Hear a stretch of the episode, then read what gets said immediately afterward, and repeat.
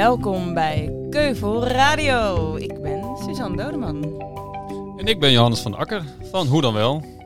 Vandaag vieren we dat de Keuvel acht jaar oud is geworden. Acht jaar een broedplaats vol ideeën en idealen. Wie lopen hier rond en waar houden ze zich mee bezig? Johannes en ik keuvelen vandaag met acht keuvelaars over hun idealen. En dat doen we natuurlijk vanuit de enige echte podcast caravan hier. En bij ons in de caravan is aangeschoven Herman de Waal. Van de Waal. Oh, jammer. En bij ons in de caravan is aangeschoven Herman van der Waal. Hey, hoi. Hey, hoi Herman. Welkom. Dankjewel. Hoe eh, zit je erbij? Heb je het warm? Nee, ik vind het eigenlijk wel prettig met het open raampje. We hebben uitzicht op het water hier. En eh, eigenlijk aan twee kanten hebben we uitzicht op het water. Dus dat geeft al een verkoelend uh, gevoel. Ja. te zijn. Meer een gevoel dan dat het ook misschien echt zo is. Maar... Nou, de plons is dichtbij. Ja, dat is waar. What creates reality. uh, zeg uh, Herman, toen jij nou acht jaar oud was, zoals de keuvel vandaag is, wat was toen jouw ideaal? Toen ik acht was, toen wou ik voorproeven worden in een kasteel. Dat huh? leek me de allermooiste baan die er was. Wauw. Oké, okay, leg uit. Er wordt de hele dag voor je gekookt, de meest experimentele dingen. En jij mag het proeven nog voordat de koning het mag proeven. Dat leek me geweldig. Maar een voorproever bestaat omdat de koning vergiftigd kan worden, toch? Hm? Dus het is een heel risicovol beroep. Ja, maar dat risico's heb ik misschien in mijn leven nooit zo goed begrepen. En die hebben me daardoor op de mooiste plekken gebracht, denk ik. en weet je nog hoe je op dit idee kwam? Waar had je gehoord van een voorproever? Uh, als ik ziek was, dan ging mijn moeder me altijd voorlezen uit een boek. Op de bank, zweterig. En dan ging ik onder een dekentje liggen en dan ging ze heel geduldig naast me zitten. En dan ging ze me verhalen voorlezen. En... Uh, Volgens mij ben ik daardoor geïnspireerd geraakt. Ergens in die verhalen kwam die Ergens voorproever die voor. Oké. Okay. En um, wat is er in jouw leven het meest idealistische dat je ooit gedaan hebt? Mooie vraag. Mm, de realisatie dat als je zonder belang nou uit verontwaardiging is of niet, als je bezig gaat met een project en je voelt dat het klopt en je voelt dat het gaat stromen en dat je van alle kanten geholpen wordt. Ik zal een voorbeeld geven. En alle kanten geholpen wordt niet alleen van mensen, maar gevoel dat het hele universum zich samenbalt om jou te helpen. Of om het project te helpen of de missie. Dat, dan voel je wel alsof je op een soort van idealistische golf zit. En, uh, dat je bergen kan verzetten. Uh, ik ben veel in Noord-Libanon geweest om te filmen. En dan waren we vaak in uh, illegale kampen, kampen die geen hulp ontvingen. En dat is in de Beka-vallei, uh, vlak bij de Syrische grens. En Noord-Libanon kan best wel koud worden s winters. En het ligt in een vallei. 250.000 vluchtelingen in die vallei. Jemig. Ja, en als het water daar naar beneden kwam, het bleef daar liggen. Dan stonden al die tentjes onder water. En uh, kinderen liepen daar allemaal op slippertjes met drie graden. Ik moest sowieso naar Libanon voor om een project te filmen. En uh, toen dacht ik van oké, dan kunnen we iets betekenen. Ik weet nog niet helemaal precies wat. We gaan hier een kleine crowdfund. En ik wou niet al bedenken van, oh, ze hebben dekens nodig. Want je realiseert je wat ze nodig hebben op het moment dat je daar bent. In plaats van dat je van hier gaat bedenken wat zij daar nodig hebben. En um, toen dacht ik, oké, als, wij, als wij twintig families kunnen helpen, dan zijn we al een heel eind. Dus ik begon hier gewoon mijn verhaal vanuit mijn hart, niet veel nadenken. Gewoon opschrijven op Facebook. En dat werd zo goed opgepikt. En toen kwam Hart van Nederland. Ik wist niet eens op welk kanaal dat zat, maar die, die, die kwamen langs twee keer. En in één keer ging het zo snel. En we hadden die tikjes, die moesten we iedere, iedere uh, weet ik veel, zes minuten moesten we een nieuw blad vervangen. Want je kunt maar 30 tikkies hebben, dan moet je een nieuwe. Dus we hadden echt, uh, Goed werkten met worksheets, met spreadsheets. En er kwam meer en meer geld binnen. En vanaf dat moment ging alles gewoon onder flow. De volgende dag vertrok naar Libanon. En uh, het sneeuwde daar gigantisch. En er gaat vanaf uh, Beirut maar één weg, één snelweg naar de Bekavenleien. En we vonden direct een chauffeur die ons zou rijden, wat sowieso al bijzonder is daar. En uh, we rijden en achter ons, twee auto's achter ons, wordt de snelweg afgesloten voor twee dagen. Wow. Anders hadden we het nooit kunnen bereiken daar. En we komen in, in, bij het kamp aan. En de eerste persoon die ik spreek werkt daar al twintig jaar als vrijwilliger. En is precies de persoon die je wel kon vertrouwen. En uh, toen hebben we gevraagd van, goh, wat hebben jullie daar nodig? Toen zeiden ze van, ja, we hebben geen kleding nodig. En we hebben geen uh, dekens nodig. Dat hebben we allemaal, maar alles is nat en alles is koud. Wat we nodig hebben, is warmte. Itfa, wordt warm. En uh, toen hebben we, zijn we naar een Palestijnse olieboer gegaan en hebben we heel veel duizend liter uh, diesel gekocht. Want ze hebben allemaal dieselkacheltjes. Hmm. En toen zijn we per kamp, de Shawish, dat is de kampleider. Die hebben we sheets gemaakt voor familienamen. En dan mocht iedereen mocht 50 liter op komen halen. Dan komen soort van die plastic uh, waterflessen op slippertjes door de sneeuw aan. En dan kregen ze allemaal 50 liter. En uh, het licht wat er toen in mij ontbrandde, uh, dat voelde je dat dat gewoon doorwerkt. Ook toen je hier kwam, je hoefde helemaal niks te zeggen. Maar mensen zagen gewoon van oké, okay, weet je, alsof je derde oogje open gaat of wat er een vuur in je ogen brandt. En dat mensen, als je er maar een heel klein beetje over vertelde, dat ze in één keer zeiden van ja, ik was zo geïnspireerd door het verhaal. Ik ga mijn buurvrouw ook helpen, want die zit al heel lang alleen thuis. Of ik ga dit doen. En je merkte gewoon door de kracht die dat genereert, dat dat eigenlijk boven jezelf staat. En dat dat als een vuurtje overspringt naar anderen. Dat is volgens mij de essentie van idealisme. Idealisme wat ster sterker of groter is dan jezelf. En dan merk je gewoon dat het overgaat op andere mensen. Die realisatie en die kracht, dat is volgens mij het ultieme gevoel van idealisme. Wauw. Hoe, hoe, lang geleden was dit? Pff, ik ben niet zo goed in chronologie. Um, ik denk uh, vier jaar geleden of zo. Echt een heel goed antwoord. Ik vind het ook echt heel mooi omdat je de je um, uh, in, in principe ja in feite vertel je iets praktisch wat je gedaan hebt, maar het idealisme zit hem voor jou Klooien dus met tikkies. Dat, uh... ja, klooien met tikkies. Ja, ik ken hem allemaal.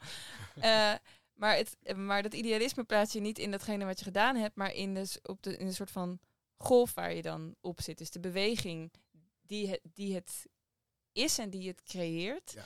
En um, wij hebben laatst, omdat we bezig waren met het schrijven van een boek, ook heel erg nagedacht over ja, wat is dan dat idealisme voor ons?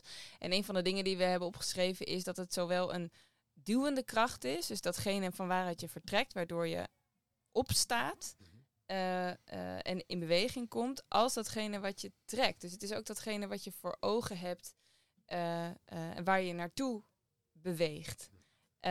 en jij omschrijft eigenlijk het, de weg daartussen, zeg maar. De golf waar je op kunt komen als het goed gaat, als mensen herkennen wat je aan het doen bent, de betekenis herkennen, ook een rol voor zichzelf gaan zien. en ja, ik vind het heel mooi dat je dat zo omschrijft. En uh, ook herkenbaar wel met dingen die. Het, het verschil tussen hoe het, het ene project of wat dan ook. dat je daarop zit. En andere dingen waar, waar je daar niet op zit. En dat je tegen allerlei muren aanloopt. En, ik kan niet surfen, maar ik weet zeker. Als je de ideale golf te pakken hebt. Voelt precies hetzelfde.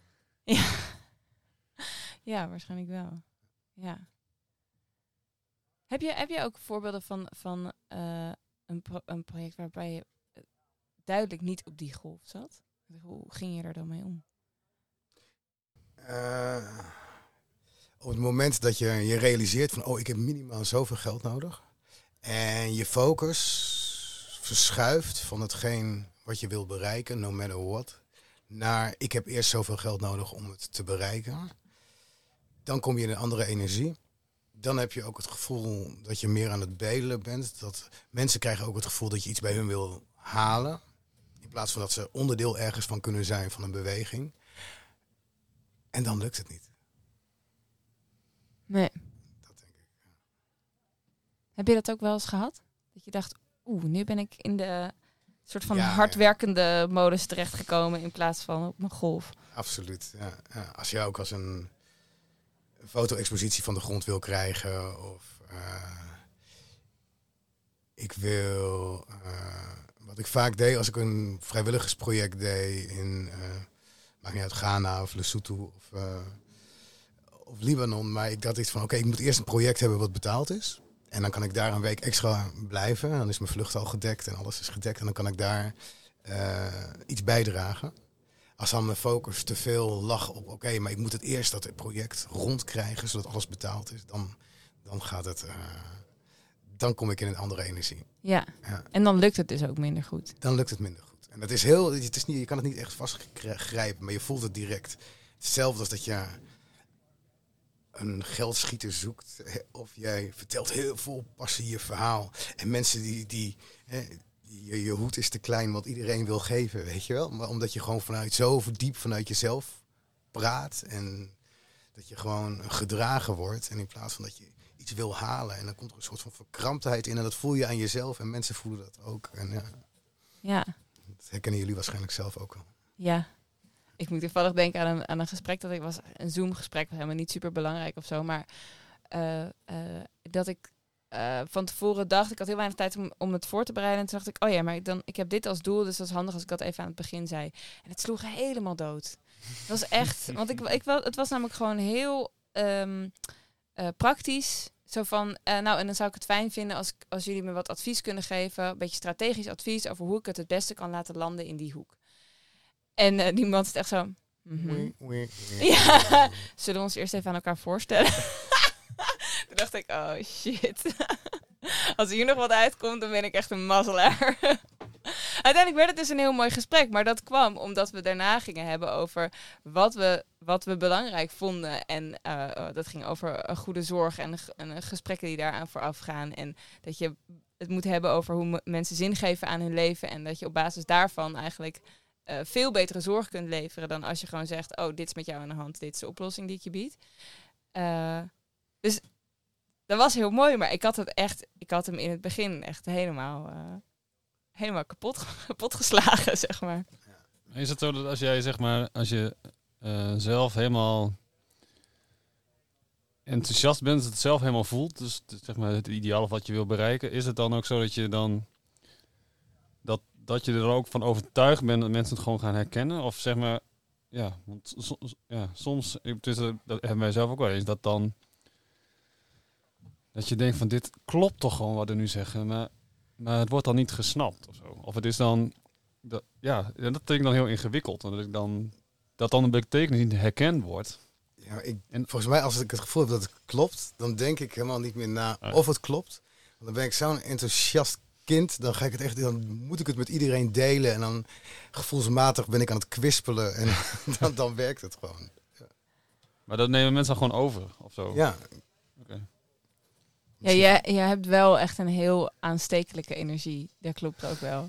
Is dat, heb je dat ook andersom trouwens? Ik maak jou meestal mee dat ik dan even iets kom lenen bij jou op de boot. En dan ben je helemaal... Ah, ik ben hiermee bezig, ik moet echt even kijken. Kijk, supermooi deze bijen of deze, weet ik veel, clip. Of, uh, maar heb je ook wel eens, heb je ook datzelfde als, het, als je er niet lekker in zit? Dus Ja, als je... En kom ik- dan steek je ook kom iedereen aan. hoofd wonen. Dus. Maar steek je dan ook iedereen aan? Weet ik niet, dan heb ik weer eh, de neiging om eh, in mijn grot te kruipen, denk ik.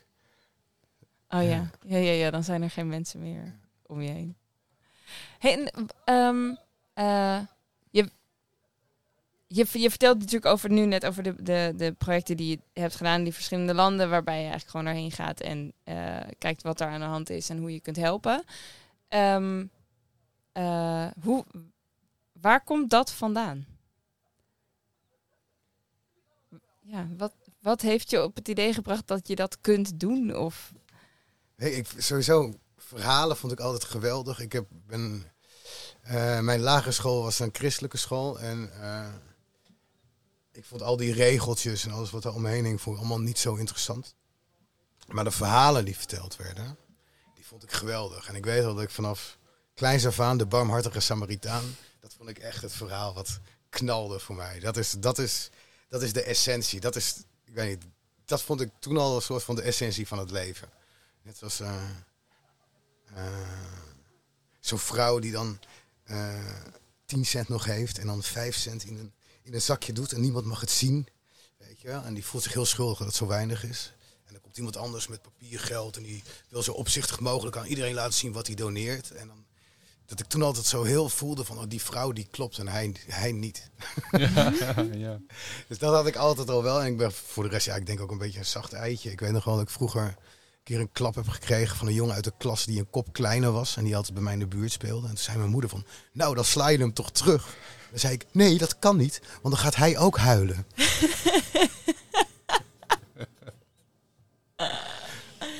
Dus het, dat jou iets werd aangedaan betekende niet. Jij was niet van de oog om oog, tand om tand. Nee, nee, nee. Oh, rancune is toch zonde? Dat is een beetje alsof je gif slikt en hoopt dat de ander omvalt. Weet je wel? Dat...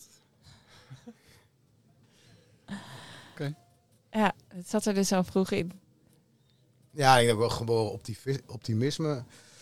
Optimisme, dat was een eh, fijne spraakverwarring. Dat, is- dat is eigenlijk, eh, ik geloof meer in optimisme dan in activisme.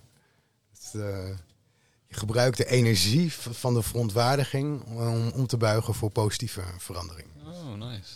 Eh, het liefste, en dat is, daarom is de keuvel ook zo mooi, het liefste zie ik een hele mooie beweging van eh optimisten. Dus de, de- als je ergens boos over wordt, Ja. verontwaardigd. Ja. Dan niet, niet blijven hangen in die boosheid, maar Ja. wel die energie gebruiken voor positieve verandering. Ja, daar kan ik me echt niet anders dan eh, volledig bij aansluiten. En wat is, kan je iets noemen op de keuvel waar jij eh, eh, mee bezig bent? Hoe je eh, dat vormgeeft hier?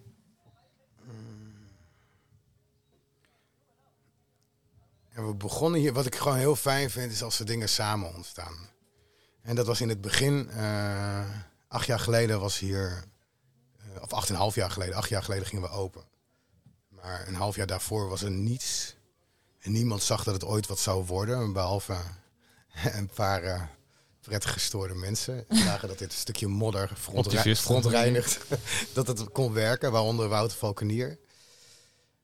Via hem kwamen we hier terecht. En heel veel mensen zeiden, ja, maar dat gaat nooit wat worden. En je hebt een anti-kraak studio in eh, het oude Paleis van Justitie op de Prinsengracht. En dat is heel representatief. En je bent gek als je naar Noord gaat, naar die moddervlakte. En bla, bla, bla. Diezelfde mensen die tijdens de opening zeiden van... ik heb het altijd wel gezien, dat wordt een hotspot. ja. Ehm, dat bouwen toen, dat samen zijn. En zoals we hebben hier de grootste catwalk van Europa getimmerd. 250 meter, die de boten met elkaar verbindt. Dat deden we altijd met drie mensen. Dus je was altijd met drie mensen aan het, aan het bouwen. En daarmee was je niet alleen fysiek aan het bouwen, maar je was ook de community aan het bouwen. Omdat die samenstelling steeds wisselde. En dat gevoel, ja, dat, dat was, de, dat was de magie, weet je wel. Het café was nog niet echt open. Er stond een koelkast voor bier. Dat kostte 1 euro. Er stond een kalabas naast. Daarin doe je geld. Eh eh, Esme en consorten die gingen dan naar de markt. En die gingen snel een lunch maken, half in de open lucht. En dan stond er weer een kalabas. eh, pay what you can or what you like. En dat bleef daar de hele dag staan. En liepen wel 50 mensen, maar er verdween geen geld. En het was allemaal, weet je, dat toch best wel ultieme utopia in bouwgevoel. Dat, ja, dat was echt magisch. Ja. Ja, ja dus wat je, wat je, als ik vraag wat, hoe heb je het vormgegeven hier op de keuvel? Nou, dan kun je zeggen, ik heb de keuvel mede vormgegeven, meegebouwd. Ja. En niet alleen in de fysieke dingen die we kunnen zien, maar ook met het beetje, nou ja, de vibe die er was en die jullie met z'n allen hebben opgebouwd hier. ja, precies. En dan er ook ruimte voor ideeën, weet je wel. Van ja, ik wil eh, iets met muziek organiseren, maar dan niet eh, zeg maar eenrichtingsverkeer. Een paar muzikanten die al samen hebben gewerkt en dan mensen die dat consumeren, maar gewoon een maffe mengeling van een Syrische oetspeler met een, rapper uit Brooklyn en een vioolspeler uit Ierland. En die zet je samen en dan kijk je wat er gebeurt en je vraagt iedereen aan boord van oké, wat ga jij bijdragen vanavond? En dan krijg je zo'n andere sfeer. En dat was, ik denk de geboorte van eh Beats on the Boat, wat we jaren hebben gedaan en wat eh Dien later heel goed heeft overgenomen. Ja, En wat nog steeds eh, Ja, en- bestaat hier. Ja, en die Ja. ruimte, dat, dat gevoel, dat is, dat is heilig. En ik hoop dat we de laatste twee jaar dat ook weer nog meer kunnen genereren dan het afgelopen jaar is. Het, naar mijn gevoel een beetje ingekakt. Is er lang niet zoveel bloeiende energie geweest. En ik hoop dat we met diezelfde pioniersgeest eh, oh, de laatste jaren hier ook vol gaan brengen. Dus een beetje meer eh, opbranden dan uitdoven. ja, zeker. Ja, nou heel graag. En eh, daar hopen wij ook eh, stevig deel van uit te maken. Ja, Dat doen jullie al. yes! Super inspirerend, Herman. Dankjewel. Dank jullie wel. Ja, heel Fijn leuk. dat jullie in het bestuur zitten. Dat was hem. Dat was hem.